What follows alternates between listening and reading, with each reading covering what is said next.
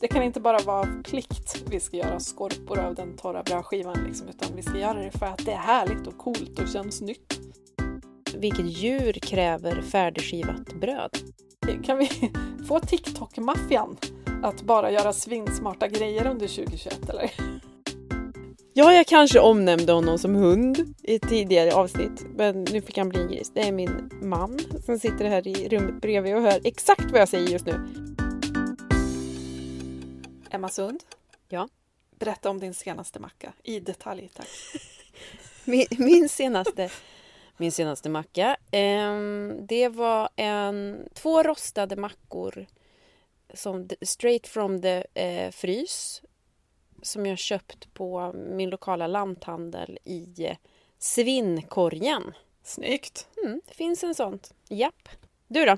Ja, alltså, min senaste macka var faktiskt ovanligt lyxig. Jag brukar ju ha exakt samma macka som du inser jag. Inte samma macka, en likadan macka. Men eh, min senaste var faktiskt ovanligt lyxig eftersom jag eh, dök på en typ tom saluhall igår på vägen hem från kontoret och hittade surdegsbröd nybakat. Så att jag avnjöt den första skivan igår kväll och jädra vad gott det är med bröd alltså. Ja. Själv sparkar in öppna dörrar här men Men alltså jag har ju ett, ett mål va. Jag ska ju lära mig baka eget surdegsbröd under 2021.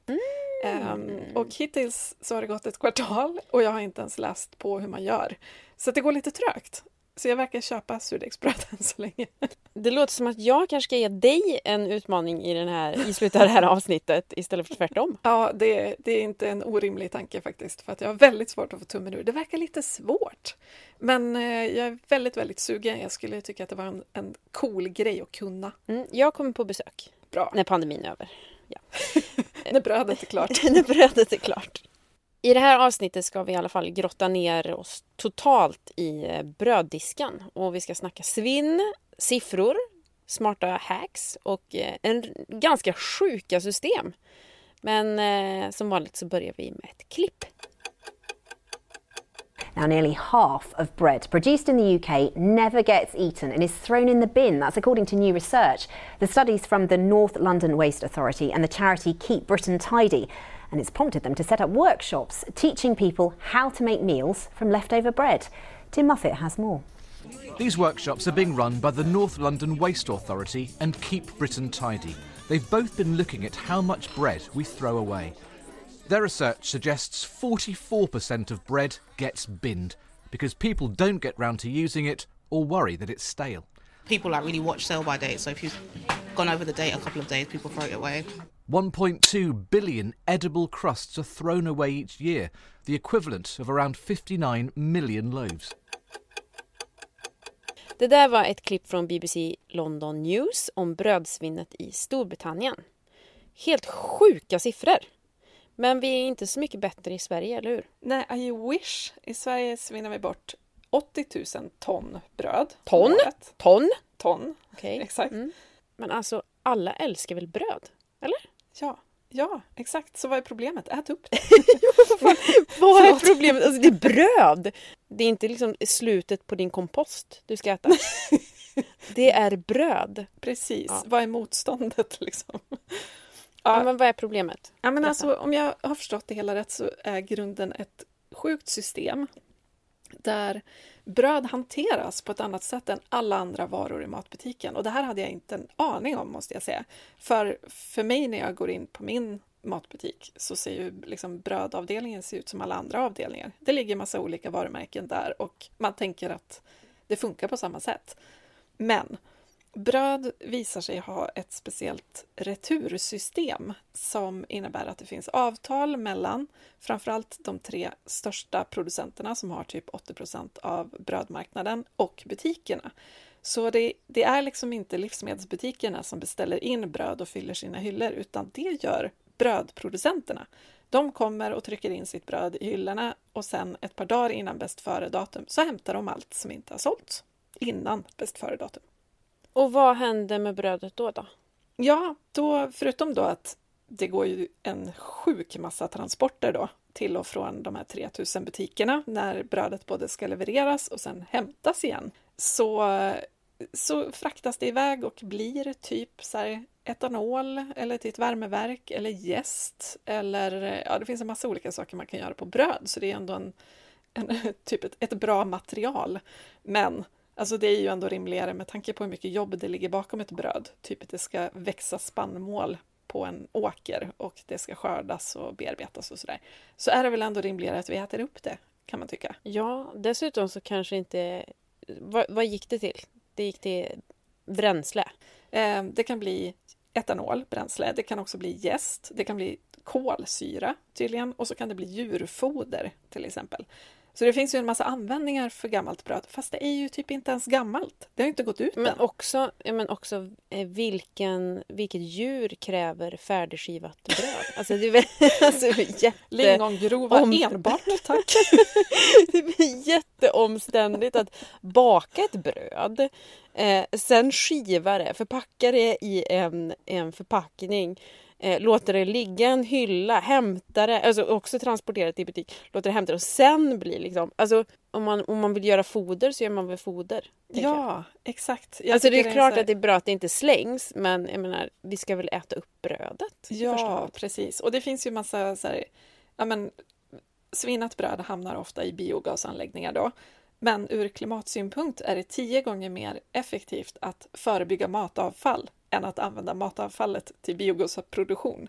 Så vi ska ju liksom inte gå över ån efter vatten här, utan vi ska ju såklart göra det som är smartast, det vill säga minska svinnet. Så får vi lösa biogasen på annat vis. Eh, Det är ju några av de här största producenterna som faktiskt vill ändra det här systemet. Ja, Men sen så är det den största producenten vill inte det. Så de sitter fa- fast i det här systemet. Men det finns liksom de som faktiskt vill ändra det, vilket är bra. Så nu vill vi ju liksom putta den här största producenten över liksom... Hur gör vi det då? är det nu vi outar den största? Det kan man googla. Det kan man googla. Nej, men och sen är det ju så, alltså det blir ju en slags konstig sits också för att eftersom butikerna inte har något ansvar för brödet, de har liksom inget incitament att hålla koll på att oj, nu börjar det här gå ut, då sätter vi en relapp på det så att någon köper det innan det blir dåligt. Utan de kan ju bara sakta låta brödet förfalla, för det hämtas ju ändå. Mm. Eh, och dessutom kan ju butikerna, eftersom de inte behöver ta ansvar, så kan de ju också kräva att brödhyllorna ska vara så här fullpackade med jättemycket bröd för att det ska se härligt ut Mm. för konsumenten. Istället för att tänka, vi säljer bara så här många limper, då tar vi in det plus fem till så är vi på säkra sidan. Liksom. Mm. Ehm, och de behöver dessutom bara betala för det bröd som faktiskt säljs, så de kan ju beställa, de kan ju fylla hela butiken från golv till tak med bröd om de vill. Oh, alltså, Åh. de här brödbilarna går ju från brödproducenterna till butikerna och sen tillbaks och sen dit igen för att hämta och tillbaks. Det, det är ju inte så himla effektivt. Alla andra livsmedel transporteras liksom i stora mängder till butikernas centrallager någonstans och sen packar de om till bilar som är liksom maxpackade upp till taket och kör effektiva rutter för att liksom åka till butikerna på rätt sätt istället för att åka till varje butik Mm. med dess bröd. Så det är ju sjukt ineffektivt. Jag tror att det är enormt mycket transporter i onödan här och liksom bilar som inte är proppfulla och sådär. Så att, äh, alltså det här är bara för dumt. Så här kan vi inte hålla på. Nej, så kan vi verkligen inte... Alltså jag fattar, jag fattar ju att det är liksom säkert ganska smidigt för butikerna men det kan ju heller inte vara så himla roligt att liksom inte ha någon kontroll Nej, på sitt svinn på det sättet. Nej, men Man vill ju, verkligen. alltså, hade jag ägt en livsmedelsbutik så skulle jag vilja eh, kunna skryta om hur mycket vi minskar svinnet. Och sen så finns det Verkligen. en del, den största delen eftersom bröd är det som svinnas bort mest. Som man liksom inte har någon kontroll över. precis. Det måste ju vara lite frustrerande. Och sen är det ju då, för då har, har ju kloka människor kikat på, kanske framförallt Louise Ungert som är grym på brödsvinn. Eh, hon har skrivit en rapport från 2019 som har det fantastiska namnet Brödbusar är vi allihopa, allihopa, allihopa, du med. den kan man googla upp, den ligger på nätet och den är jätteläsvärd. Och där står det, så de flesta siffror vi kommer nämna nu, de kommer från den rapporten. Och där står det till exempel att en anledning till att eh, vi svinnar så mycket i butikerna är för att det finns för mycket bröd att välja på. Det finns ju liksom inte tre sorters limpa och två sorters knäckebröd utan det kanske finns 30 sorters limpor.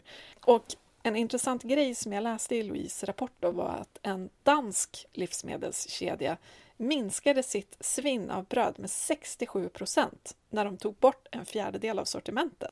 Alltså snacka om bra effekt på, med ganska små medel. De plockade bort var fjärde limpsort och plötsligt så minskade svinnet med två, två tredjedelar. Försäljningen sjönk bara med 2 procent för folk valde ju ett annat sorts bröd istället. Då. Mm.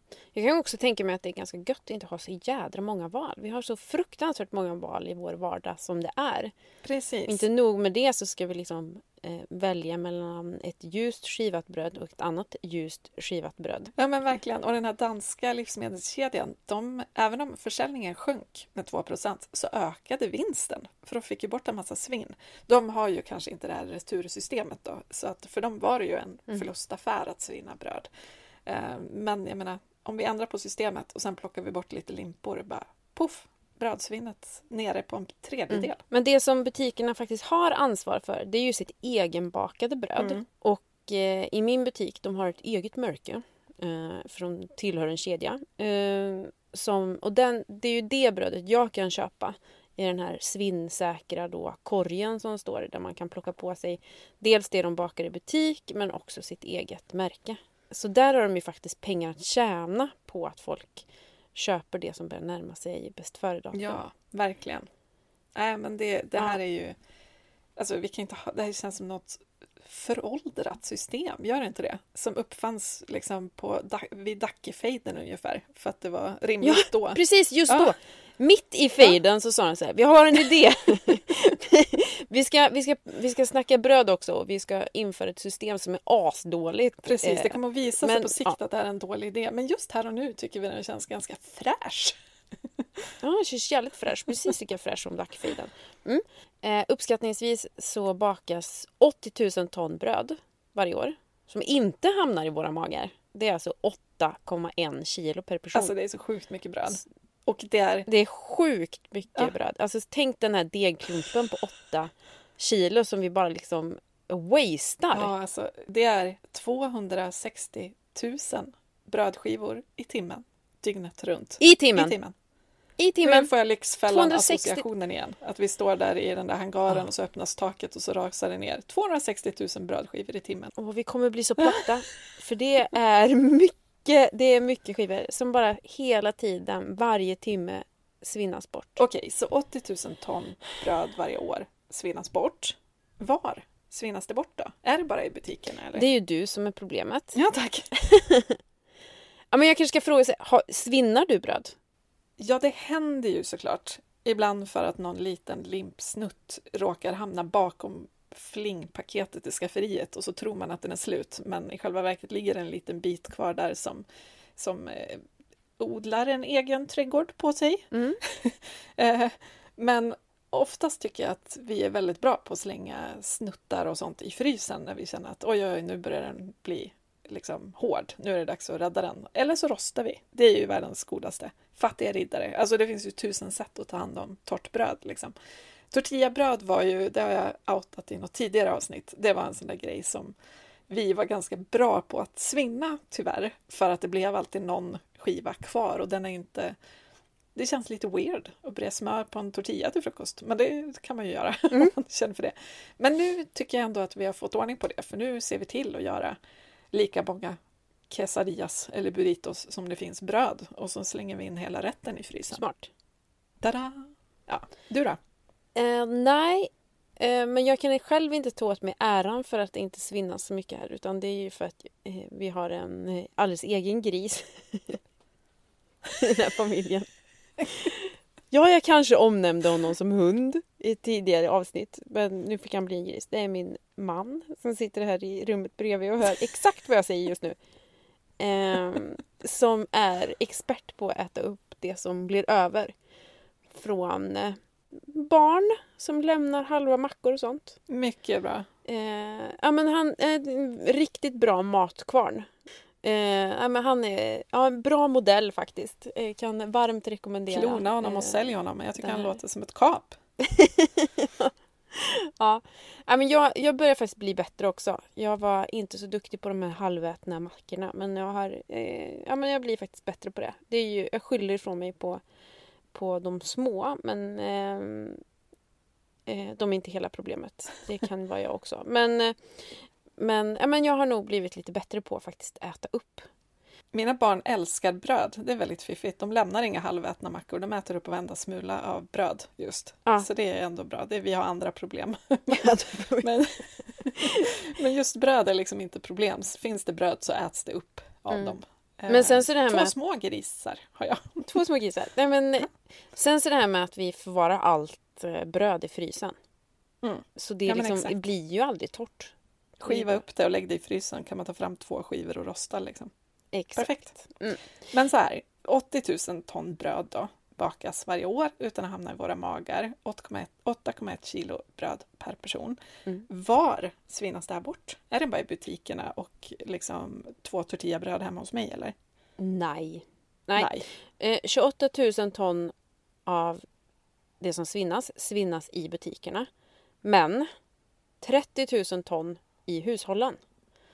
Så att det är liksom eh, vi, du och jag, konsumenterna som svinnar mest. Så butikerna har ändå något att skylla på för de är fast i ett knäppt system. Mm. Vad ska vi skylla på som svinnar ännu mer då? Vi, vi får skylla på att vi är bortskämda. Ja, För sant. att vi har liksom inte, vi har inte vettet att ta vara på den här råvaran tror jag. Men sen så är det 20, 22 000 ton eh, svinnas bort i restauranger och kaféer och så vidare. Alla fronter. Det är, det är ganska jämnt skägg. Liksom. Alla är dåliga. Alla är dåliga, precis. Men som sagt, som du säger, butikerna har ju någonting att skylla på det här systemet. Ehm, det kanske inte... Och förmodligen kaféer och restauranger har också säkert någonting att skylla på. Att eh, vi inte köper deras produkter. Eller att någon har ätit typ ett bett på en macka på restaurangen och lämnar resten. Ja, det är ju, det är ju lurigare när det inte är ens egna barn utan en Ja. random främling som har gnagt på den. Då kanske det inte är så skoj att stoppa den i munnen för Nej, kafépersonalen. svårt att servera den till nästa gäst kan jag känna. Precis. Men, så att, men det, finns, det finns ju förbättringspotential helt klart. Men nej, jag tycker att vi ska rikta helt klart strålkastarljuset på dig och mig. Men vem, Och sådana som oss. vem, vem är den här brödslängande personen då? Ja, det ska jag berätta för dig. Ja, tack. Det är... ehm, Hon bor i Huddinge, eh, är bor i 44 år gammal. nej men eh, den här personen som svinnar bort är ofta en man. ja, nej nu kommer vi dit igen. Eh, gäller såklart inte alla män, men eh, om man ska se på vilka som svinnar mest så är det fler män än kvinnor som slänger bröd eh, på grund av bäst före-datum. Och eh, ska man se på ålder så är den yngre generationen de som slänger mer bröd än, än den äldre generationen. Kanske för att den äldre generationen har liksom lärt sig att man eh, äter upp. Vad vet jag? Och bakat mer själva i sina liv kanske också. Ja, och vet hur jädra jobbigt det är. Eh, hur, och hur lång tid det tar. Alltså jobbigt är det inte. Det är mysigt ska jag säga nu eftersom du ska göra det här. Eh, men det tar ju tid. Ja men det tar ju Det tid. tar ju jättemycket Vi är, liksom, yngre generationer har väl vant sig vid att man köper allt och gör inte så mycket själv. Ja. Sen så familjer med yngre barn. Mm, den känner man ju igen sig. Den kategorin slänger väldigt mycket bröd. Mest bröd av alla. Varför slänger folk bröd då? Ja, 40 procent eh, slänger för att det möglar, alltså att man inte hinner äta upp. Och man förvarar det garanterat inte i frysen. 39 procent eh, slänger för att det hinner bli torrt. Åh, stackars. Och att man... Åh, så jobbigt. Kan inte lägga i rosten. Mm. Eh, 17 procent eh, slänger för att det har hunnit passera bäst före-datumet. Alltså, Oklart om de har luktat på det. ja men snälla någon. Ja, Men den här då? 10 procent slänger för att de föredrar färskt bröd. men då Mm. får man baka en skiva i taget och äta upp den. Ja, men då kanske man faktiskt ska baka eget bröd varje morgon. Eller liksom gå till ett bageri varje morgon på väg till jobbet och köpa med sig en färsk frukostmacka. Mm. Man behöver jättemycket tid då. Man behöver förmodligen inte jobba eh, för att ha den typen av livsstil, tänker jag. Men det är ju, alltså Eh. grejen är ju med frysen. Alltså mycket av det bröd vi köper i i matbutiken, det har ju varit fryst, men det känns inte fryst när vi klämmer på det för att det har nyss tinat så att det är jättemjukt och härligt. Alltså det är Mm. inte som att frysen gör brödet torrt eller tråkigt. Det känns ju som att det är nybakt när man tinar det. Mm. Så det är, det är, det är hörni, 10 procent. Ja. Kamma er. Den, den siffran som jag tycker är mest intressant i den här undersökningen då, som kommer från YouGov Omnibus, om det uttalas så, som kom i november 2020, det är att 4% slänger för att de tröttnar på det. Men vadå, på smaken liksom? Ja. Ja, det här var så trist. Ja, nu har jag ju ätit samma sorts bröd i två dagar så nu vill jag ha något nytt så nu slänger jag väl det då. Hmm. Ja. Ja. men okej, 40 procent för att det möglar, det är alltså den största kategorin. Och det är ju, alltså när bröd är möglat då är det klart att man inte ska äta det. Men då måste man ju komma runt det. Då måste man ju lägga i frysen så det inte hinner bli så dåligt så att det är oätbart, tänker Mm. jag.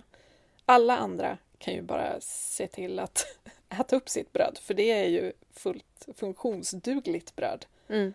Alla de här andra kategorierna liksom. Att det är för att man har ätit för många likadana mackor, det är liksom inte ett rimligt skäl att slänga mat. Nej, då, det, då får man gå ett varv runt sina, eh, sina eh, förväntningar och eh, sin privilegierade ställning i världen tycker jag. Och kanske gå ett varv runt kvarteret och dela ut brödet till andra människor. Ja men exakt, precis. Ja men det där får man ju bara sluta med. Förlåt, nu ser jag till på skarpen. Ni är 4% som slänger bröd för att jag tröttnar på det. Skärp er! Skärp er! Och alla andra, använd frysen. Det är det den är till för. Mm. Och grejen med bröd, alltså förutom att det är sjukt gott, eh, är ju faktiskt att det också är klimatsmart och hälsosamt. Eh, Ja, men bröd är ju, eller åtminstone om vi äter bröd med mycket fibrer, då är det hälsosamt. Det kanske finns ganska mycket onyttigt bröd också. Men bröd, alltså beståndsdelarna i bröd, spannmål till exempel, har ju ofta jättelåg klimatpåverkan. Bröd har en påverkan på 0,8 kilo koldioxid per kilo bröd i snitt. Och det kan man ju jämföra med nötkött som har 36 kilo. Ris har 3 kilo. Så att det är liksom, bröd är sjukt bra. Det är ju typ bara baljväxter och rotfrukter och sånt som har lägre. Så att frossa loss i bröd, det är ett jättebra sätt att så här, sänka klimatpåverkan i sin egen kost. Ät upp det. Berätta gärna mer om hur mycket bröd jag kan äta. Ja, men så det, är, det är liksom inte ett problem att vi producerar väldigt mycket bröd. Det är ju svinnet som är grejen. Vi måste Ja. äta upp det vi producerar. Annars så blir det ju hög klimatpåverkan per äten limpa ändå. För att vi- vi har producerat så sjuka mängder limpor som inte går åt. Och vi får ju inte rättfärdiga svinnet med att det har en, en låg eh, klimatpåverkan från första början. Vi måste ju bara Nej. äta upp. Verkligen. Det är bröd. alltså, det är gott. Jag ja, det är gott. Och nu, nu kollar jag också i din YouGov Omnibus Mm. undersökning här. 26 procent slänger kanterna. Ja. Alltså va? Va? Det är ju det godaste. Ja, särskilt när man rostar. Visst, det finns kinkiga barn som inte äter mackan om man inte skär bort kanterna. Men då kan man äta upp kanterna själv. Alltså vi kan inte hålla på och karva bort en massa bröd. Nej men hallå, krutonger. Ja, Alltså, skorpor. nej men alltså, nej men, ja. Avgå världen, det här är för dumt. Ja, avgå. Det känns lite så här eh, Marie Antoinettigt. Ja, verkligen. Att så här, uh, let them eat cake. Alltså så här att man, man alltså, att vi inte förmår oss att äta upp kanterna. Hur långt har det gått? Alltså jag är så arg. Så här, jag, jag, jag föredrar färskt bröd och sen skär jag bort kanterna och efter tredje skivan så är jag less. Mm. Fräscht! Meanwhile in... Ska vi ta Fland? Åh, herregud. Nej, men alltså, nej men också så här, sätta det i lite perspektiv på liksom så här, den otroliga lyx vi lever i jämfört med andra länder. Eh, där man är glad för en kant. Ja, men verkligen. Och det är, ja, alltså, jag tycker att det är hög tid att vi går ett varv kring hur andra människor ser på oss i Sverige. När vi inte förmår oss att äta upp en kant. Nej, för fasen, skärp er. Okej, första delen av den här podden brukar alltid vara en känga. och en Vi brukar klagovisa. gå ett varv. ja. Sen går vi in på eh, den här eh, tonartshöjningen eh, i den här fantastiska poddlåten. Eh, Som inte är tre minuter blir- lång utan kanske en och en halv timme. men det får ni stå ut med. Vänta till tonartshöjningen hörni. Mm. Men apropå matsvinn och brödsvinn så har jag snackat med den fantastiska matsvinnsappen Too Good To Go. Eller alltså jag har inte pratat med appen för det hade varit jävligt svårt. Hej Siri, Men- kan jag få prata med Too Good To Go? Tack. Gud vad skönt det hade varit att ha eh, eh, Too Good To Go eh, att rådfråga som app. Som Siri-app. Nej, men jag har eh, snackat med Too Good To Go som är vår sponsor av det här avsnittet. Och jag har då inte pratat med appen utan med Åsa Sandberg på Too Good To Go. Vill du lyssna? Klart jag vill. Hej Åsa! Hej Emma! Nu måste ju jag fråga, vad är Too Good To Go? Too Good To Go är världens största matsvinnsrörelse.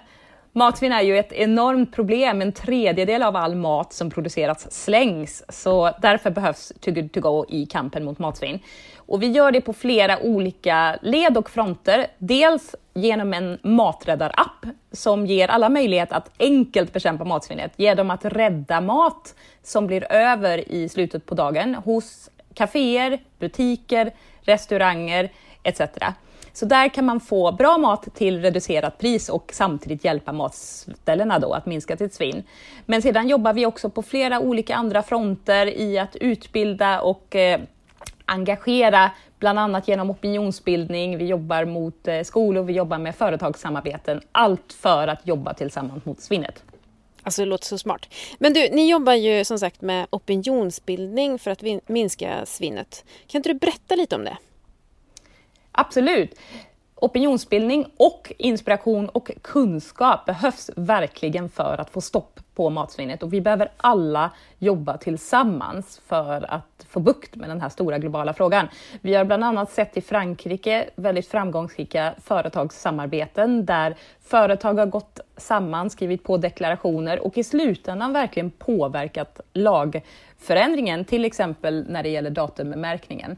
Och det ser vi även på andra marknader och liknande i Sverige där vi verkligen vill involvera dialogen med både politiker men också företag för att se vad är det som behövs? Vad är det som vi behöver påverka och rätta till för att underlätta att matsvinnet faktiskt minskar. Vi jobbar ju även med informationskampanjer för att nå ut till hushållen där det flesta matsvinnet faktiskt sker. 70 procent av allt svinn sker i hemmet. Alltså jag följer er på Instagram. Jag tycker att ni är geniala på att kommunicera hur man ska tänka kring just matsvinn. Ni är liksom rappa och snygga, får man säga så? Ah, alltså er vilken feedback. kommunikation. Tack, jag ska hälsa min kollega. ja. Men du, hur funkar eh, appen? Appen funkar väldigt enkelt. Du laddar ner den och sedan så kan du, vi har ju lanserat på ett antal olika städer i Sverige, så du tittar enkelt i flödet. Var finns det mat att rädda? Sedan klickar du på reservera och då kan du hämta upp en så kallad värdekasse, en överraskningspåse som är fylld med mat som den restaurangen eller, eller kaféet har över i slutet på dagen. Det kan ju vara allt från bröd, bullar, sallader etc. Och det är en överraskning för att matstället vet ju inte från dag till dag vad det är för svinn som de faktiskt har över just den dagen. Det kan ju variera. Så att du betalar en tredjedel av, av priset som användare och får jättebra mat som annars kanske skulle kastas till en jättebra peng. Alltså det låter underbart. Eh, man blir ju hungrig bara man tänker på det. Och man gillar ju överraskningar. Det är ju livets goda. Ja, men man Men- gör ju det och jag blir överraskad varje, varje gång som jag tittar i appen så blir jag så överraskad. Jag har också blivit över, positivt överraskad ska jag säga, genom att ha hittat nya ställen via appen som jag inte hade gått till annars. Bra tips där. Men hur mycket mat har räddats via appen sedan ni lanserade i Sverige? Jag kollade faktiskt inför den här intervjun och nu är vi snart uppe på 100 000 räddade 100 måltider. Måltid... Åh jädrar! Ja. Snyggt jobbat! 95 är vi uppe på nu så eh, snart, snart blir det firande.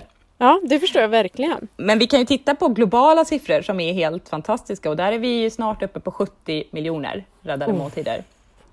Ja, härligt. Den, den måltiden måste smaka extra gott, tänker man. Ja, det gör den. Eh, just nu, eller just detta avsnitt handlar ju om bröd. Hur jobbar Too Good To Go för att minska just brödsvinnet? Brödsvinnet är ju också ett gigantiskt problem. 80 000 eh, ton slängs varje år. Och eh, vi ser ju att bröd svinnas bland annat då på grund av att det är mögligt, att det är torrt, att det har passerat bäst före-datum. Det har vi sett i olika studier. Och det finns ju enkla lösningar på det.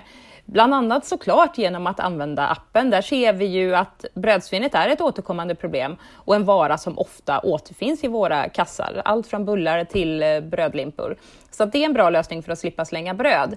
Men sedan jobbar vi ju naturligtvis på andra led också genom information och tips och råd till våra eh, till våra mm, vad ska man säga, följare och, och de som gillar oss, hur, hur, vi, hur man kan jobba för att minska brödsvinnet. Men, men ofta får man ju bröd i våra kassar just för att det finns så mycket bröd som slängs. Har du något smart eh, rädda bröd-tips som du kan dela med dig av? Något smart rädda bröd-tips? Ja, men det har jag väl absolut. Eh, dels så, ja men det här med fryset såklart. Absolut, glöm inte att frysa brödet. Om man vet i affären att ja, men nu ska jag köpa en färsk brödlimpa här, men den färsk brödlimpa, den håller inte så länge. Den håller ju liksom ett, två dagar.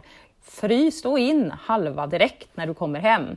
Och om du har torrt bröd som, som du känner så här, det där är för torrt, det där vill jag inte ha längre. Då blir det som nytt om du fuktar det och värmer det i ugnen på 100 grader. Gud vilket bra tips! Tack så mycket Åsa! Tack snälla själv! Alltså jag blir så och grymt imponerad av företag som liksom inte bara försöker tjäna pengar utan på riktigt vill eh, bidra positivt i samhället. Och To Good To Go är ju precis ett sådant företag som verkligen så här, ja, men gör nytta också.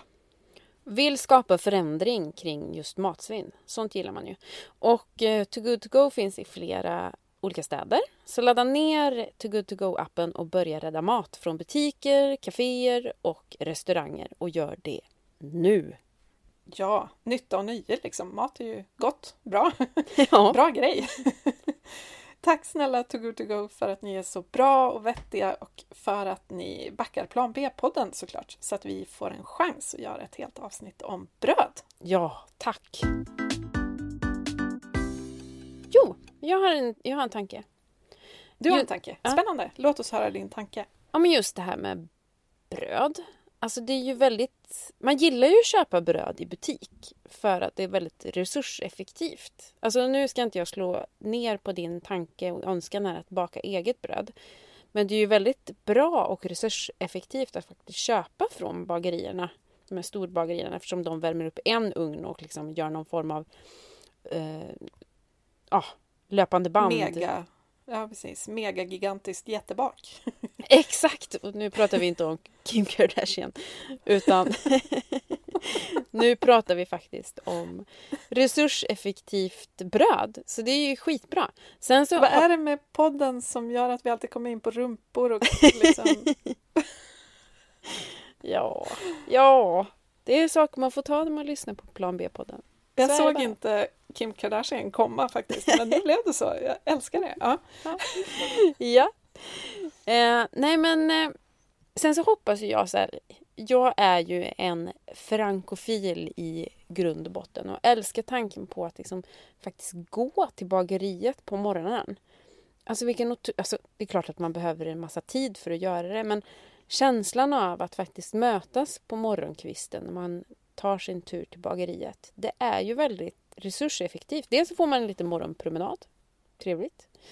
Men också att, att faktiskt gynna det lokala bageriet och att det har bakats resurseffektivt. Det skulle man vilja se en uträkning på. Vad skulle hända om alla svenskar bakade sitt eget bröd? Vad skulle hända med energiåtgången kring bröd? Mm.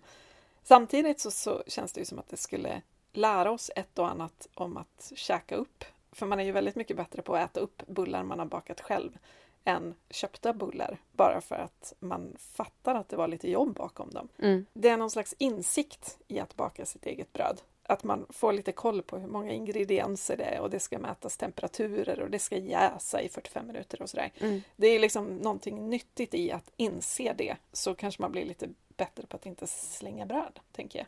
Ja, verkligen. Jag tycker att alla ska baka bröd. Också dels själva aktiviteten att baka bröd är ju sjukt mysigt. Sprida väldoft i sitt hem och sen äta purfärskt bröd.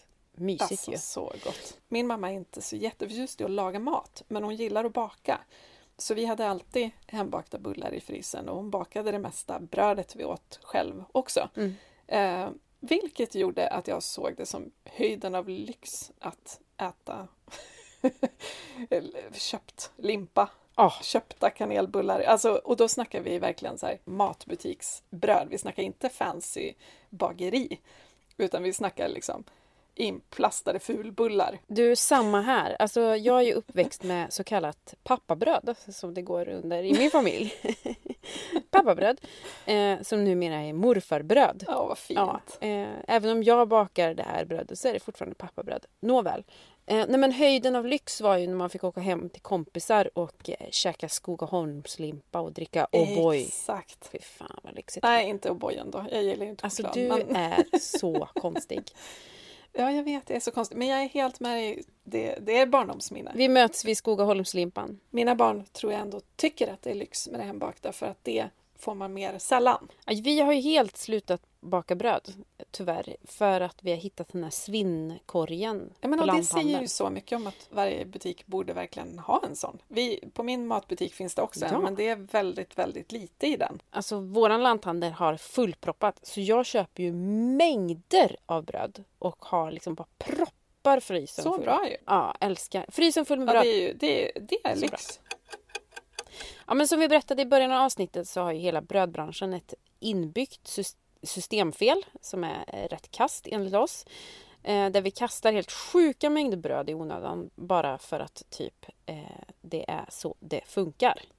Jag tycker ju att det här knäppa systemet borde göras om istället för att vi ska ja, men, finna oss i de här dumheterna.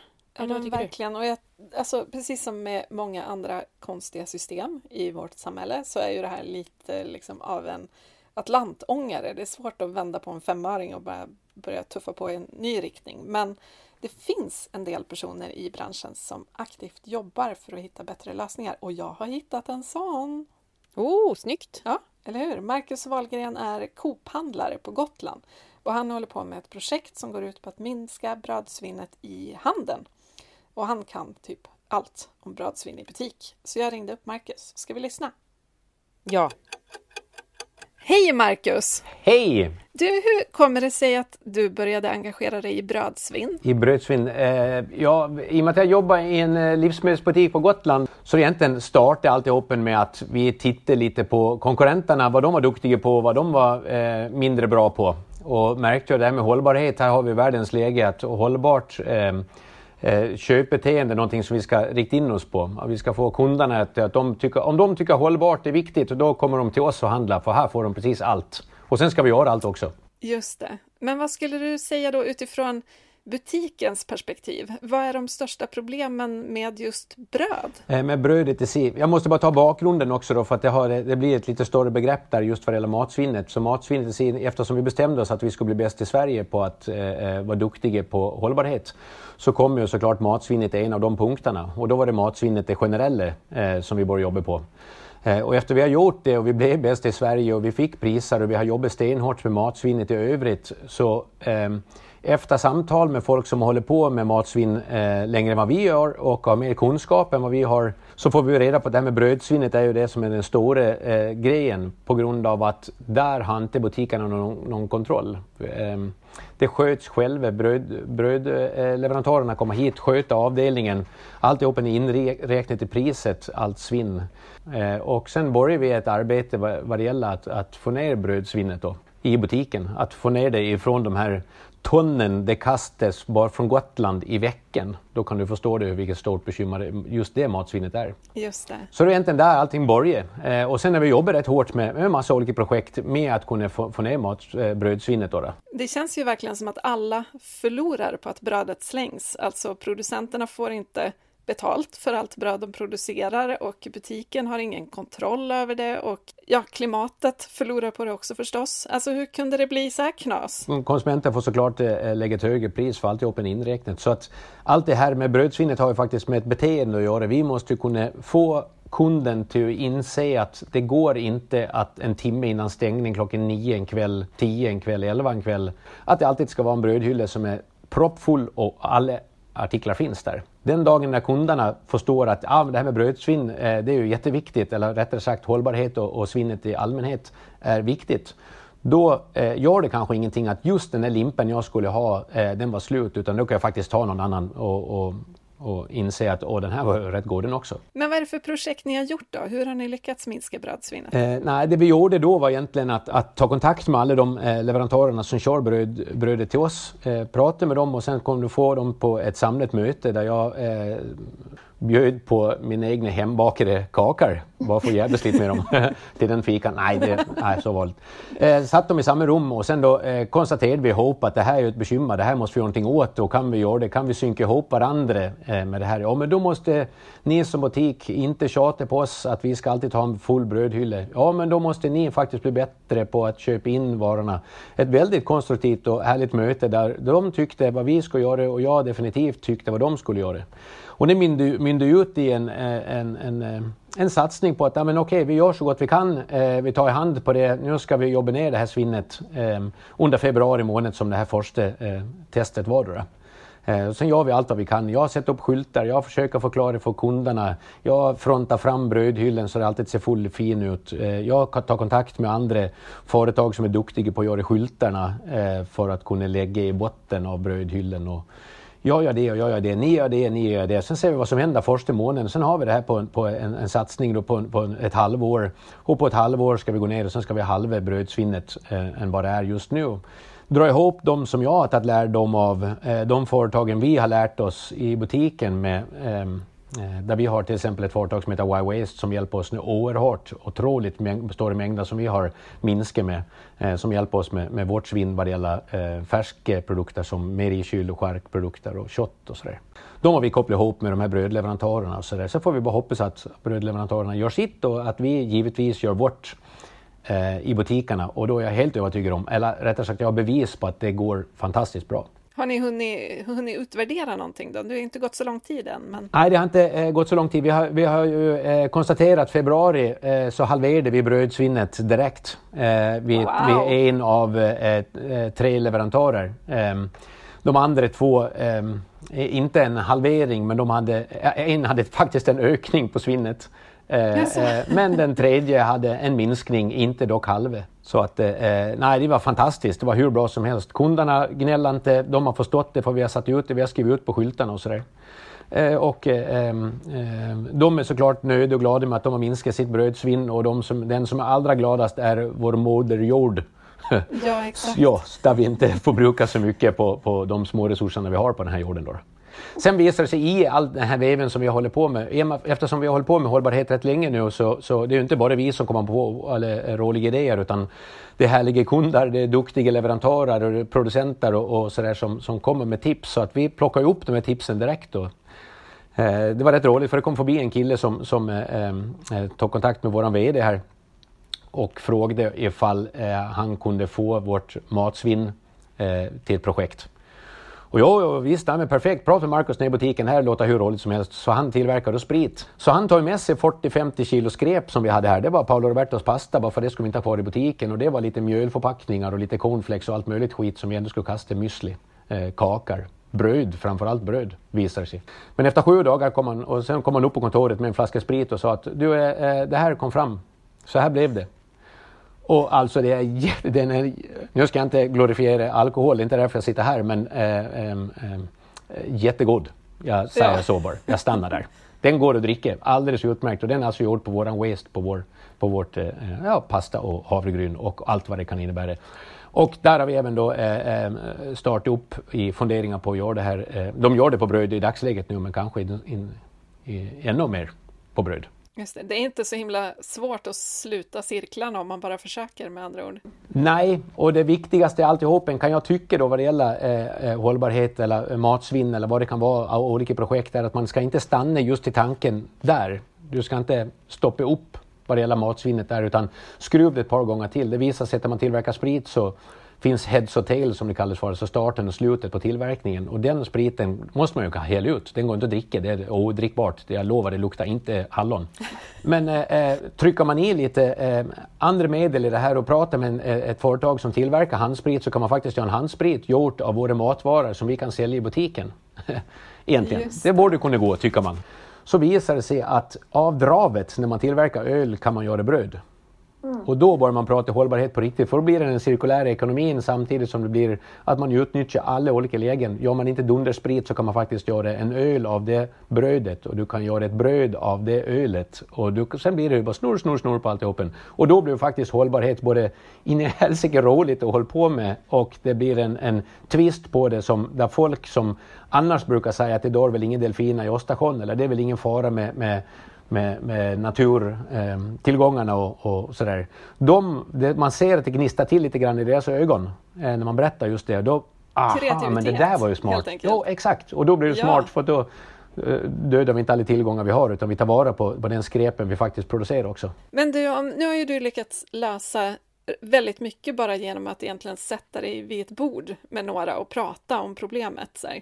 Men om du om, om vi låter dig styra upp hela brödbranschen, hela Sverige, vad tycker du behövs för att vi ska komma till rätta med med det stora brödsvinnet? Ja, vad jag tycker man ska göra, man ska sätta sig ner vid ett bord och bjuda på lite egna bakna kakor. om man börjar den änden, men jag tror faktiskt att hållbarhet i sig, eller hållbarhet om man pratar matsvinn nu och även brödsvinn, eh, allt vad det gäller eh, svinnet i sig så måste man diskutera, man måste lyfta upp frågan och man måste våga och prata om att hur man ska kunna komma framåt. För tänker du bara ekonomiskt, och hade vi bara tänkt ekonomiskt i det här, då hade vi inte kommit någon bit framåt. För då hade vi ju, nej men det är ju skitdumt. Vi tog bort plastpåsen direkt till exempel när de sa att den skulle eh, Eh, det blir plastskatt på. Då tar vi bort den så gör vi en egen plastpåse. Vår egen plastpåse står det på en papperskasse istället. Och sen säljer vi bara papperskassar. Det har varit mycket bättre att sen sälja en plastpåse för sex spänn som man kanske köpt in för en krona och kan tjäna otroliga pengar på det i två, tre år till. Bara för man har köpt in ett stort lager.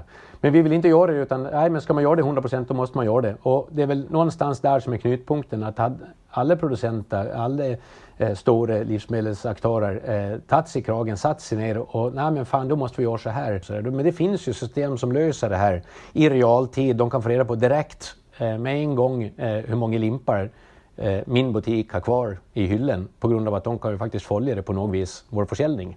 Ett system som gjorde så att i realtid man kan se det så att bagaren är nere i, i Skåne någonstans kan se att ja, men okej, det är så här många limpar vi måste producera och skicka till Gotland. Bra, då gör vi det. Eh, för det är så här många limpar det har gått. Och tar det slut på eftermiddagen, då är det vår uppgift faktiskt. Det är faktiskt vi som, som måste ha ansvaret i butiken och som träffar kunden just innan köpet. Eh, kan vi få dem till att inse att så här kan det se ut i en brödavdelning, eh, den är inte alltid proppfull, då har vi kommit en lång bit på vägen för vi måste ju också se till att utbilda konsumenterna så konsumenterna vet vad de har att se fram emot när de kommer in i butiken. Eh, jag lovar det. det finns bröd, om just din limpe är slut i hyllan, jag lovar det finns bröd eh, i den eh, djungel av bröd och härliga limpar det finns, att man kan hitta en, en annan som, den där smakade rätt gott den också. Superbra. Tack snälla Marcus. Ja, så lite så. Och heja dig! Ja, Lycka till det här är skitroligt, jag lovar. fortsatta kampen. Ja, kom till Gotland när ni vill. Okej, nu har vi ju vänt och vridit. Vi har klagat eh, och vi har sagt till folk på skarpen ja, vi har verkligen eh, göttat ner oss i problemen men också lösningarna. Och det här ska vi liksom götta ner oss ännu mer i för nu kommer vi till Tornadshöjdningen! Och vi ska prata om det här fantastiska plan B-livet, hur det ser ut i framtiden. Hur ser det ut, Maria? På med Carola-fläkten. Nu kommer slutklämmen ja, men alltså jag tänker ju att efter omställningen har vi såklart slopat det här galna retursystemet. Så um, butikerna beställer bara så mycket bröd som går åt och det lilla som blir över eh, ja, men man säljer det billigare i sådana där svingkorgar som du brukar vittja i din lanthandel. Eller så skänks det, tänker jag. Alltså jag tycker det borde finnas en, en korg med kom och ta bröd till folk som verkligen lever på marginalerna och får unna sig en bulle för att den var helt gratis. Den tog liksom inte av något annat. Eh, så att jag tycker att det borde finnas, går snart ut och ja men nu, nu är det bäst före-datum. Kom och ta bara, så det går åt. Mm, det där totalt osäljbara. Ja, det trasiga brödet. Och, och likadant kanske. de här förpackningarna som är lite buckliga och liksom man fattar att det är fem knäckta kex högst upp i den här förpackningen och sådär. Lägg dem i en skänkkorg. Det är klart att folk skulle plocka på sig. Gratis mm. är gott. Jag tänker också, det finns ju en lag i Frankrike där det faktiskt är förbjudet för matbutiker att matsvinna. Vi har ju varit inne på den i tidigare avsnitt. Precis. Och eh, den lagen ska ju bara komma på plats i Sverige. Så är det bara. Ja men verkligen. Och den, i Frankrike så är den ju den har ju kommit till för att människor inte ska behöva gå hungriga när det finns mm. mat. Så den, den är ju liksom inte byggd på klimatfrågan, eh, även om det är en härlig bonus. Man älskar sådana lagar som har liksom flera ingångar i sig. Precis. Både rättvisa och klimat. Ja men verkligen. Sen kan ju bröd bli andra saker. Vi var ju inne på det i början att det kan bli djurfoder och värme och gäst och allt möjligt. Ehm, jag har börjat köpa öl i min matvarubutik som är gjord på svinnat bröd. Mm. Gott öl också. Eh, och det är lite roligt och det blir som en liten så här, nu höll jag på att säga att det blir som en liten härlig lektion för mina barn men det är inte så att jag serverar dem ölen. men när jag häller upp den de läser på alla etiketter just nu. De är liksom lågstadiebarn som läser alla texter de kommer åt. Så då läser de på flaskan och så frågar de vadå svinnat bröd? Så pratar vi om mm. det. Så det är gott och kul. Men alltså, jag vill ju helst att det såklart inte ska finnas svinnat bröd att göra öl på. Utan att vi gör bröd för att äta bröd och vi gör öl för att dricka öl. De behöver inte korsas. Men det är såklart bra. Alltså, Ja, men kanske kafébrödet. Det kan väl få bli öl. Det som gästerna tagit en tugga av som inte går att sälja eller... Eh, jag var nära på att säga mer öl åt folket, men så kom jag på att jag vet inte riktigt. Alkoholromatismen här i. Nej, den ska vi hålla utanför eh, podden. Men jag tänkte på en grej. Eh, både du och jag har ju eh, varit på Gotland mm. ett par gånger. Otroligt trevlig jag. Det finns en bra Coop-handlare där till exempel. Han är ja. väldigt sympatisk. Ja. Denna charmanta ö har någonting som eh, säkert finns på andra platser också, men som jag ofta ser där. Det är ju brödbilar från bagerierna som åker till olika platser eh, och säljer bröd. Det hade jag faktiskt velat se på flera ställen. Alltså, alltså food trucks fast bageri trucks, eller hur? Ja, food trucks, eh, precis. Att man kan få köpa nybakt bröd. Jag var ju inne på det eh, tidigare här med den här ritualen i Frankrike där man går till bageriet på morgonen. Det är ju ganska svårt för många, till exempel mig som bor på landsbygden. Men eh, kanske en brödbil som kommer once in a while. Ja, och säljer bröd så att man kan gynna lokala bagerier utan att behöva ta bilen. Det kommer en bil, gärna eldriven, till en central plats i bygden och säljer det här goda, fina brödet som, som eh, man kanske har respekt för för att man också har handlat det från, från eh, det lokala bageriet. Det hoppas jag på. Det är den typen av brödbil vi ska ha, inte brödbilar som går från brödfabriker till matbutiken och tillbaks och dit igen för att hämta och tillbaks. Utan vi ska Nej. ha de här små mysiga food trucks, bageritrucks. Ja, och sen så också, det kanske kan vara en del av den här drömmen om matbussen som jag har, den här lanthandeln på på jul. Ja men verkligen. En liten egen då. Men eh, jag, jag har kommit på en grej gällande den här lanthandeln på jul som jag har drömt om. Att jag vill ju såklart att det ska vara lokalproducerade varor. Ja, men det att var det ska väl... vara enkelt. Det trodde ja, jag var givet. Ja, det var givet, men det är ingenting vi har sagt. Nej, men det, det ska ju vara liksom, det ska ju vara de lokala eh, producenternas eh, arm ut på landsbygden. Rekorings-lanthandeln på ja, jul Gud med brödlucka.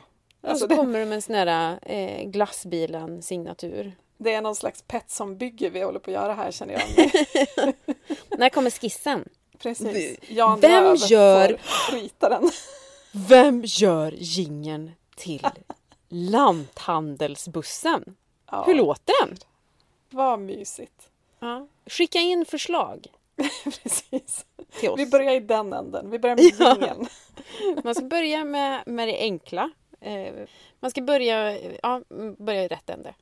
Men du vill ha, du vill ha liksom lanthandeln i en slags Mm. modern tappning. Jag är lite pepp på gamla bakstugor. Alltså, Vad är det? Ja, men om jag har fattat det hela rätt så, så fanns det liksom en bakstuga i många byar förr i tiden. Jag har inte läst på jättemycket om det här, men jag förstår det som så att man kunde gå dit där det fanns en stor vedugn och man kunde baka mycket bröd för att man bodde inte så stort förr så att det kanske var lite svårt att göra gigantiska bak i sitt pyttelilla kök. Och då fanns det liksom en stor bakstuga med gott om plats och det fanns liksom utrymme att låta bröd svalna och sådär. Och då kanske fruarna i byn, för det var ju fruarna, det var inget pappabröd här inte, eh, samlades där och bakade ihop. Alltså hur Och det är ju mysigt? både socialt och trevligt. Och grejen är att, alltså, för det finns ju såna här gamla, nu kanske de inte används så mycket, men det finns ju fortfarande såna här. Jag såg till exempel att min kusin och min moster som bor i Umeå, de var i en sån för ganska nyligen med ett, ett par vänner och bakade jättemycket bröd och liksom det var deras här, sociala lördagsnöje. Och det såg så sjukt mysigt ut. Jag drabbades av total FOMO och ville genast sätta mig på tåget upp och joina brödbaket. Men det var ju inte rimligt. Men alltså hur Men, mysigt? men alltså tänk det, både liksom på landet där du bor men kanske också i förorten. Som ett sätt att bonda med grannarna. Liksom. ja. Att det finns en bakstuga och så sitter den ihop med du vet, en cykelverkstad och ett delningsbibliotek för verktyg och allt det här.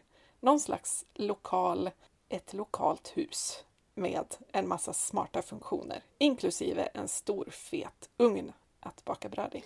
Tack på förhand! Alltså varför jobbar inte du och jag som eh, stadsplanerare, Stadsplanerare. eller presidenter? Jag liksom, ja.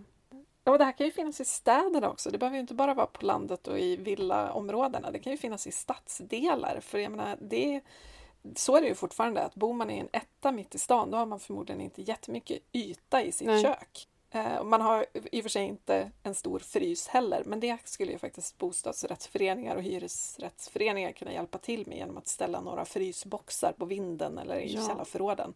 Verkligen. Såna här som, som såna här boxar som är på centralstationerna. Man har en egen liten box. Exakt!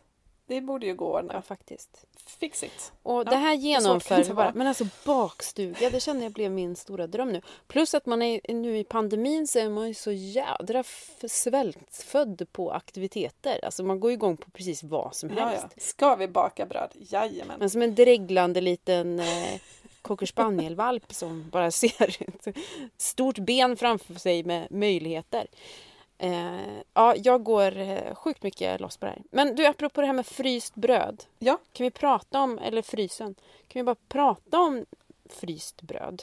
Mums! För att allt, ja, men, allt bröd borde väl kunna bara gå att frysa ner så håller det längre. Alltså i butiken tänker jag. Ja. Det här med dagsfärskt bröd och att bröd dagen efter inte har något värde. Mm. Det är ju, jag menar kaféer och sådär så ser man ju ofta att de har som en liten, numera, en liten hylla med gårdagens bröd. Men det är verkligen så här uppenbart att det inte värderas lika högt. Jag tycker det är sjukt, Mm. en dag gammalt bröd. Hur bortskämda får vi bli? Nej. Men sen så tänker jag också så här, okej att en frys tar mer resurser än att det ligger i liksom en hylla. Mm. Men, men jag tänker också att det är ett, ett rimligt sätt att ta vara på bröd så att det liksom inte svinnas bort eller blir torrt då eftersom vi är så känsliga mot det Verkligen. tydligen. Gud, nu börjar min mage kurra eh, för att jag blir så sugen på bröd. Eh, fryst bröd tydligen. Nej men normen borde ju vara rostat bröd, inte sant? Sen jag hoppas ju på så här, ehm, jag hoppas ju på mer kreativitet i hushållen också. Alltså inte bara det här sociala, att gå till bakstugan och baka med grannarna, utan kanske också det här med att klassiker som Fattiga riddare får en så här 2021-variant som är hipp och cool, eh, så att det blir hett igen. Hemgjorda skorpor på gammalt bröd blir en trend, precis som surdegsbrödet blev när det kom. Kan vi, kan vi få TikTok-maffian att bara göra svinsmarta grejer under 2021? Ja, men där har ju du och jag en roll, tänker jag. Alltså att faktiskt ja, visa upp men vi den här är, typen. TikTok är som en helt annan målgrupp än din och min. Jag tänker Är att det vi nu jag ska gå ut på oss- TikTok eller? Är det det som är utmaningen i det här avsnittet eller? Ja, gud vad smart.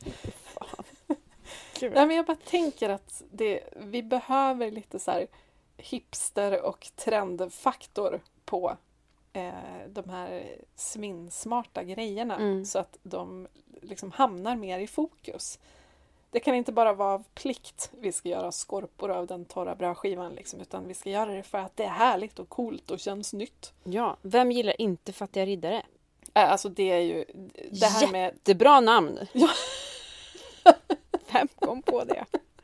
Ja men och alla de här Alltså. som brödet är torrt. Alltså förlåt men fattiga riddare har ni aldrig ätit fattiga riddare. Det blir ju godare ju torrare brödet är. Ja, Ah, ja. mums. Ja, men också en, en dröm som jag har, det är ju möjligheten att köpa bröd som närmar sig bäst före-datum. Jag, som jag var inne på den här svinnkorgen då, min lanthandel. Jag skulle vilja ha en svinnhylla med alla typer av produkter som närmar sig bäst före-datum. Men egentligen skulle jag vilja ha en svinnbutik. ja. Alltså en, en kedja som heter eh, Smarta Smulor. Typ. där man kan, där man, bara genom att gå in där så gör man något bra. Ja men verkligen. Bara gå och plocka Och sen på så kan sig. alla de som alla de som vill ha långt bäst före-datum kan gå till den här andra butiken. Det är ju så eh, liksom den, den nya sortens lågpriskedja ska ju vara det där. Ja. Att här handlar man mat till halva priset eller ännu billigare och allt är svinsmart. Då är det ju Mm. som, för att komma från det här att det som är billigt alltid är dåligt så tänker jag att vi ska liksom bygga det lågprisalternativ som ska finnas på svinn. Mm.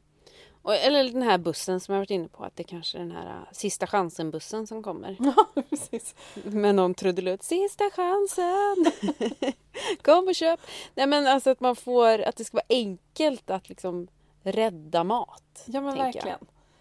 Och sen så tänker jag Ja. på, och det här gäller ju såklart inte bara brödsvinn utan allt matsvinn. Kan vi inte bli lite mer sociala med våra grannar typ? Och så här, Mm. alltså jag skulle ju älska om en av mina grannar plötsligt ringde på och sa Vet du vad, jag har bakat för mycket bröd, frysen är full, vill du ha tre limpor?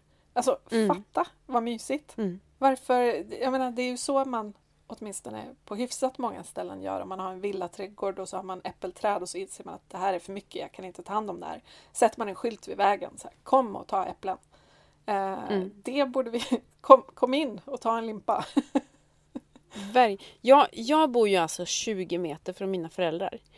Eh, vi, vi kör mycket samhandling, inte minst på grund av pandemin. Att det är, det är jag eller min man som åker och handlar eh, åt mina föräldrar.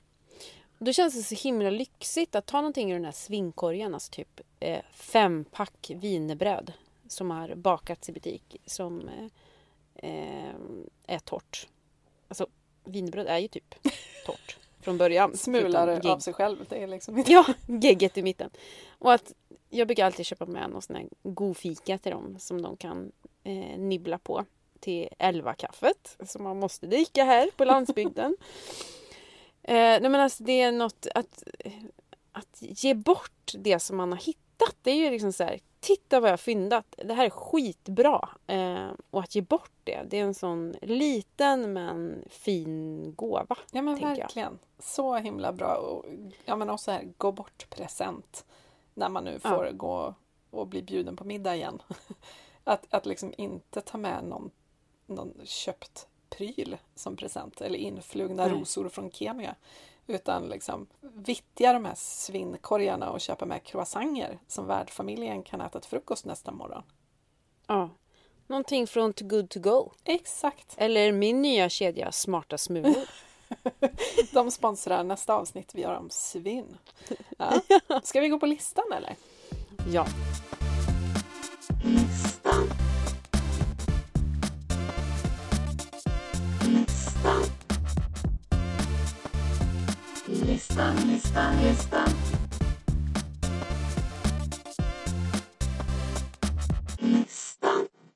Okej, ehm, jag har tänkt ut sex saker alla kan göra för att minska brödsvinnet. Tror du vi kommer på fler medan vi snackar om de här? Brukar. Förmodligen. Ja. Min första är ju då, apropå det här att folk säger att de köper mer bröd än de äter upp, att det är en anledning till svinn. Planera brödinköpen såklart. Alltså går det åt en limpa i veckan och du bara har ett frysfack, köp inte två limpor. Ja, och vill du absolut köpa två limpor så ge bort den andra limpan. ja, gör en granne glad. Till Maria. Till mig. Ni kan höra, ni kan höra av er till mig, mig om ni vill ha hennes Skogaholm, adress. tack. Okej, punkt två. Rädda bröd. Om man ska köpa en limpa och göra mackor och matsäck till nästa dag, man vet att typ hela limpan går åt. Ja, men köp en som bara har någon dags hållbarhet enligt bäst före då. För den, äh, den har ju redan åkt tillbaka till bagerierna. Ursäkta. Någon som har fyra dagar kvar till bäst före-datum. Nej. Ja, det här är så sjukt. Det är så sjukt. Men min poäng är, gräv inte längst bak i hyllan där det färskaste brödet ligger, utan ta det här som, som har kortast bäst före. För ska du ändå äta upp det så är det väl perfekt? Eller? Ja, och herregud, rosta brödet. Ja. Ta med brödrosten på utflykt. Nej, jag skojar bara. Ja. Ja. Punkt tre. Frys in det du inte hinner äta upp. Det här borde broderas på bonader och hängas i alla kök. Håller med. Och frys in eh, även det som du inte har ätit upp än. Eller, det gör man väl alltid. Inte bara det du har ätit upp, utan Okej. Eh, frys in även... Eh, ja, men frys in allt bröd från början. Och plocka ut enstaka skivor. Lägg i brödrosten. Hur många gånger kommer jag säga brödrosten i det här avsnittet? Nej, men, eh, nu du har köpt brödet, släng in det i frysen på dräkten. Ja. Så liksom, kommer det liksom inte ens i närheten av att kännas torrt och gammalt. Och skiva det om det inte är färdigskivat så blir det mycket lättare för då behöver du inte tina hela limpan utan du kan ta två skivor och stoppa i rosten. Exakt. Okej, fyra. Lukta, smaka, syna, strunta i datumet. Ja, jag kunde inte sagt det bättre själv. Och det här är någonting som du faktiskt inte behöver göra om du har det i frysen. Nej, exakt. Och strunta inte i datumet i butik. Där ska man kolla så man kan köpa det som har kort bäst före datum. För alla gör inte Mm. så. Punkt 5. Byt form på brödet när det krisar. Till det här behöver du en trollstav. Nej, men just det här med att torrt bröd faktiskt inte är... Det, det ska liksom inte kasseras, utan det kan man ju rosta eller man kan torka det i ugnen så det blir krutonger eller ströbröd eller skorpor. Och man kan doppa torrt bröd i äggblandning och steka och då blir det fattiga riddare och de blir godare ju torrare bröd och så vidare. Det är ju inget som säger att en limpa måste förbli en limpa. Nej, fram med kreativiteten här. Alltså, vi ska ju ta hand om allting som vi har. I andra länder brukar man vara lite bättre på det här. Alltså, det finns ju såna här eh, brödsallader och ja, men typiska rätter där man faktiskt behöver bröd. Laga dem och njut. Yes. Och punkt 6. Dela med dig till andra. Alltså, har du överblivna bullar hemma, ta med till jobbet. Till 11-fikat på kontoret. Vi har sånt i stan också. Erbjud grannen en nybakad limpa och så vidare. Är, man behöver liksom inte hårda bröd. Och passa på att berätta om de här 260 000 eh, brödskivorna som svinnas bort i timmen. Passa på att göra det Ja. medan du bjuder. Så tror jag att folk... eh, Folkbilda. Ja. Så tror jag att folk är ganska taggade på att äta det du tar med. Precis. Det är väl en jättebra rutin att man tar med sig det som håller på att bli dåligt till trefikat eller till lunchbordet. Eh, och så samtidigt så tar man upp det här, berättar hur sjukt det är Mm. att vi måste skärpa oss allihop. Och sen, Ge alla en uppläxning. Nej, det kan vara trevlig stämning. ja, jag lägger till ytterligare en punkt som du har varit inne på här. Klart du gör! Nej, men jag lägger till en punkt. Eh, och det är en väldigt härlig punkt skulle jag vilja säga. Och det är att äta mackor inte bara till frukost utan även till lunch. Så som man gör i andra länder. Mm, lunchmackan som du varit inne på. Eh, smörbröd. Eh, vad heter den där? Eh, croque monsieur. Ja. Eh, förutom fattiga riddare. Ja, men ät macka till lunch. Det är nyttigt och det är klimatsmart. Ja. Jag är ju, jag är ju ett fan av Brinner, alltså breakfast for dinner, så att jag är helt med där. Ja, varma mackor. Hur härligt? Det är ju som pizza. Ja, alltså. Men hallå, kan vi inte prata om det här med varma mackor? Det är ju pizza fast man slipper göra degen. Ja. Eh, Någon som kommenterade på min, min Instagram, tror jag det var, som berättade att hon gick och tampades med att hon hade lite dåligt samvete för att hon hade köpt ett sånt här mackjärn en smörgåsgrill. Liksom. Eh, hon hade köpt en nyproducerad sån för att hon just ville rädda mer bröd i familjen. Och använda den som tusan liksom. Hon hade lite dåligt samvete över att hon hade köpt en ny. Men Och så sa hon, fast jag har kompenserat det. Jag har övertalat tre änkor i min bekantskapskrets att ta fram sina gamla smörgåsgrillar som står i förrådet. Så nu går de varma i alla hem här. Mm. Eh, och så det är ju, eh, alltså, dels tänker jag att det finns säkert rätt gott om mackjärn och smörgåsgrillar på andrahandsmarknaden just för att de samlar damm. Men sen kan det väl också vara en grej att så här, inspirera andra att ta fram sina och börja rädda bröd med. Men alltså på min tid så gjorde vi varma mackor i våffeljärn. Ja, det Du, man alltså det var ju så jädra gott på grund av att det blev liksom extra grillat och sen så den här osten.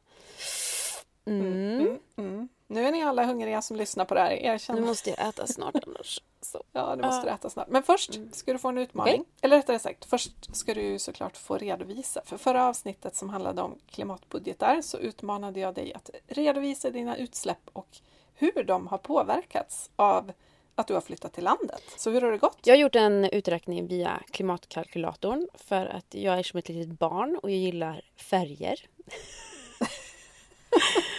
Och man kan läsa hela uträkningen på min blogg, eh, emmasund.com. Eh, det, alltså de här uträkningarna är ju lite trubbiga för de tar ju inte med eh, vissa saker. Och ja, men jag, jag har lite eh, förbättrings... Eh, Förslag. Till exempel det här med sommarhus. För innan jag flyttade till eh, hit så hade jag två boenden, alltså en lägenhet och ett sommarhus på Gotland som jag behövde ta mig till med båt och behövde bil för att ta mig till det här sommarhuset. Först så ägde jag bil bara för att jag hade ett sommarhus. Eh, sen så hyrde jag bil. Vi återkommer till bilen. För bilen har varit eh, den största utsläppspucken kan man säga. Även om jag liksom har använt den ytterst lite. Och är fortfarande min, min stora utsläppsmoln kan man säga. På den här, eh, Är det så? Trots att du har en begagnad elbil som du dessutom delar med en annan familj. Ja, och här kommer vi till trubbigheten. För dels då så kan man inte skriva i att man har ett sommarhus. Man kan inte skriva i att man delar bilen med, med någon annan. För jag delar ju då med mina föräldrar, pensionärerna. Tips, tips. Eh, dela med en pensionär. De har inte samma tider som en barnfamilj. Om man ser på bostaden. Jag har inte sänkt mina utsläpp så sjukt mycket som jag trodde. Nu bor vi på kanske 45 kvadratmeter. Vi snyltar av mina föräldrars eh, bergvärme. Ehm, och huset är byggt... Eh, ja, men, det är inte så gammalt som, som eh, lägenheten vi bodde i förut. Ehm, men har liksom inte kommit ner så mycket som jag hoppades på. Eh, Så därför får jag jobba vidare. Gällande maten. Förbättrat hela matsituationen skulle jag säga. Eh, äter i säsong, äter ekologiskt, äter upp, äter mindre kött. Men eh, ja, jag är lite inne på att äta mer veganskt för den måste jag också få ner. Ja. Eh, butiken. Eh, gällande konsumtionen så är det lite jämnt skägg. Det kanske beror på att jag har köpt ett kylskåp nyligen eh, till då det här nya eh, boendet. Eh, nej men där är det liksom, ja, men där är lite jämnt skägg. Jag konsumerar inte asmycket men jag konsumerar fortfarande för mycket. Eh, så att, men det är svårt att komma ner riktigt, eh, riktigt lågt skulle jag säga. Men det är ju svårt. Alltså, det är ju problemet. Det var, gick vi ju igenom i förra avsnittet. Att samhället är byggt på ett sådant sätt att det är svårt att leva Mm. hållbart. Det hade varit mycket enklare om jag, om jag hade flugit. För då hade jag kunnat eh, eh, dra bort liksom tonvis på ett bräde genom att sluta Exakt. flyga. Grattis alla som flyger jättemycket. Ni kan halvera era utsläpp på en sekund genom att bara bestämma er för att ha ett flygfält. Ja, jag är nästan lite avis faktiskt. Det hade varit så gött. Men sen så är det det här. Vi inte, det, det säger ju någonting om var vi är mentalt numera. Att vi inte är avis på folk som reser för att de får besöka massa länder utan vi är avis på att de kan sänka sina klimatutsläpp så himla mycket genom att Ja. sluta. Gud vad skönt bara säga. Två, tre ton lättare på liksom bara genom att bestämma sig. Behöver inte ens göra något. Ja liksom. men bra jobbat ändå. Och det här kan man läsa mer om på din blogg. ja, ska jag berätta lite om bilen? Ja men gör det. Eh, förut så hade vi eh, back in the days då en bensinbil eh, som vi hade ärvt av min mormor. ehm, som vi använde ytterst lite och egentligen bara till och från vårt sommarhus. Men, och, och genom att byta den till en elbil, så, eller begagnad elbil, så eh, sänkte vi ändå våra utsläpp med ska vi se, ett halvt ton, vilket är bra. Men nu bor vi å andra sidan på landsbygden och är mer beroende av bil. Och det här blir ju en utmaning för mig att börja cykla mer. Eh, och att åka kollektivt när pandemin är över. Och trots att det är en elbil eh, inte rättfärdiga liksom, eh, åkandet utan även jag behöver cykla och gå mer och åka kollektivt. Bra. Du har en plan. Jag har en plan. Och allt det här kan man läsa mer om på din blogg, eller hur? Jajamän. Underbart. Okej, ny utmaning. Mm. Eh, nu ska du faktiskt få välja. Mhm. Och det här beror inte på att jag är en snäll och god person utan för att jag inte kunde bestämma mig. Så here it goes. Alternativ A. Eh, du ska också lära dig baka surdegsbröd. Och det, här, och det här är inte bara för att jag vill ha en partner i detta jobbiga projekt utan för att i den här rapporten som Louise Ungert har skrivit så står det faktiskt att surdegsbröd har längre hållbarhet. Så jag tänker att vi borde använda vår influencermakt här att faktiskt försöka pusha folk att baka bröd som håller längre. Ja. Det är alternativ A eller Mm. 1. Och här kommer alternativ 2 eller B. eh, att du ska inspirera dina följare att rädda bröd genom att dela ett eller flera recept som bygger på gammalt bröd. Gud vad härligt. Vet du att den andra har jag faktiskt gjort fast det var ett tag sedan. Just när den här brödrapporten kom 2019 så hade jag brödsvinnsinlägg där jag liksom uppmanade mina följare att skicka in sina bästa brödsvins eh, recept och så skulle jag laga dem. Så det här har jag faktiskt gjort.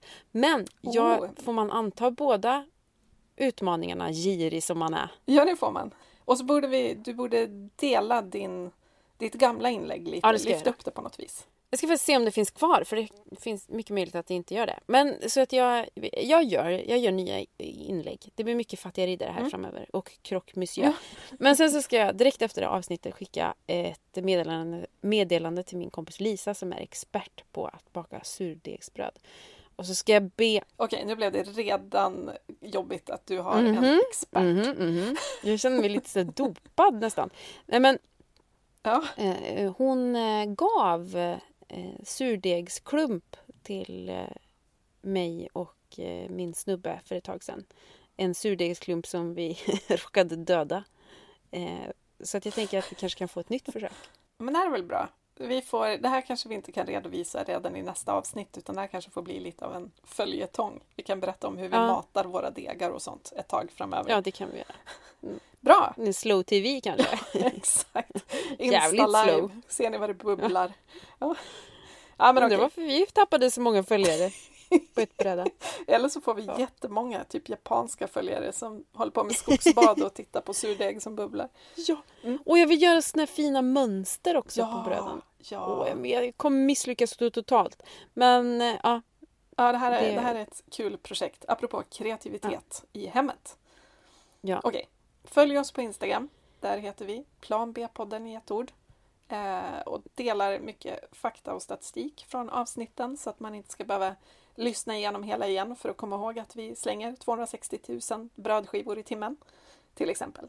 Maila oss på planbpodden.gmail.com eh, Vi börjar fundera på att göra ett frågeavsnitt. Så mejla gärna frågor eh, till oss så fixar vi ett avsnitt så småningom. Och hit kan man även mejla eh, röstnemon, jinglar till eh, brödbussar och matbussar och jinglar till det mesta. Vi tar emot allt. Ja, ja, ja. Eh, Ljud. vi återbrukar det mesta. ljud till oss. Vi blir glada för alla typer av ljud. Surdegar som bubblar. Ja, trevligt. Man kan ju såklart Mm. också skriva frågor till oss på DM på Insta om man tycker det är lättare. Eh, vi tar emot alla frågor och när vi har en bunt då gör vi ett avsnitt. Ja, och så kan man bli Patreon som man vill. För en liten slant i månaden så hjälper ni oss att göra fler avsnitt och då osponsrade avsnitt. Och när vi har 100 Patreon så kommer vi göra ett specialavsnitt. Så gå in på planbpodden.se så står det hur man gör. Och Det här är alltså för att vi ska kunna göra fler avsnitt eh, och inte vänta på att vi hittar rätt eh, fenomenal sponsor som vi har gjort i det här avsnittet. Vi är så tacksamma för att ni har signat upp er och eh, vi är inte riktigt hundra än. Men vi kanske har som mål att nå det under 2021. Ja, men det tycker Vad säger jag. du? Verkligen. Mm. Värva en vän, hörni, så, så kommer det ett specialavsnitt. Ja, och ge er ut i bakstugorna nu.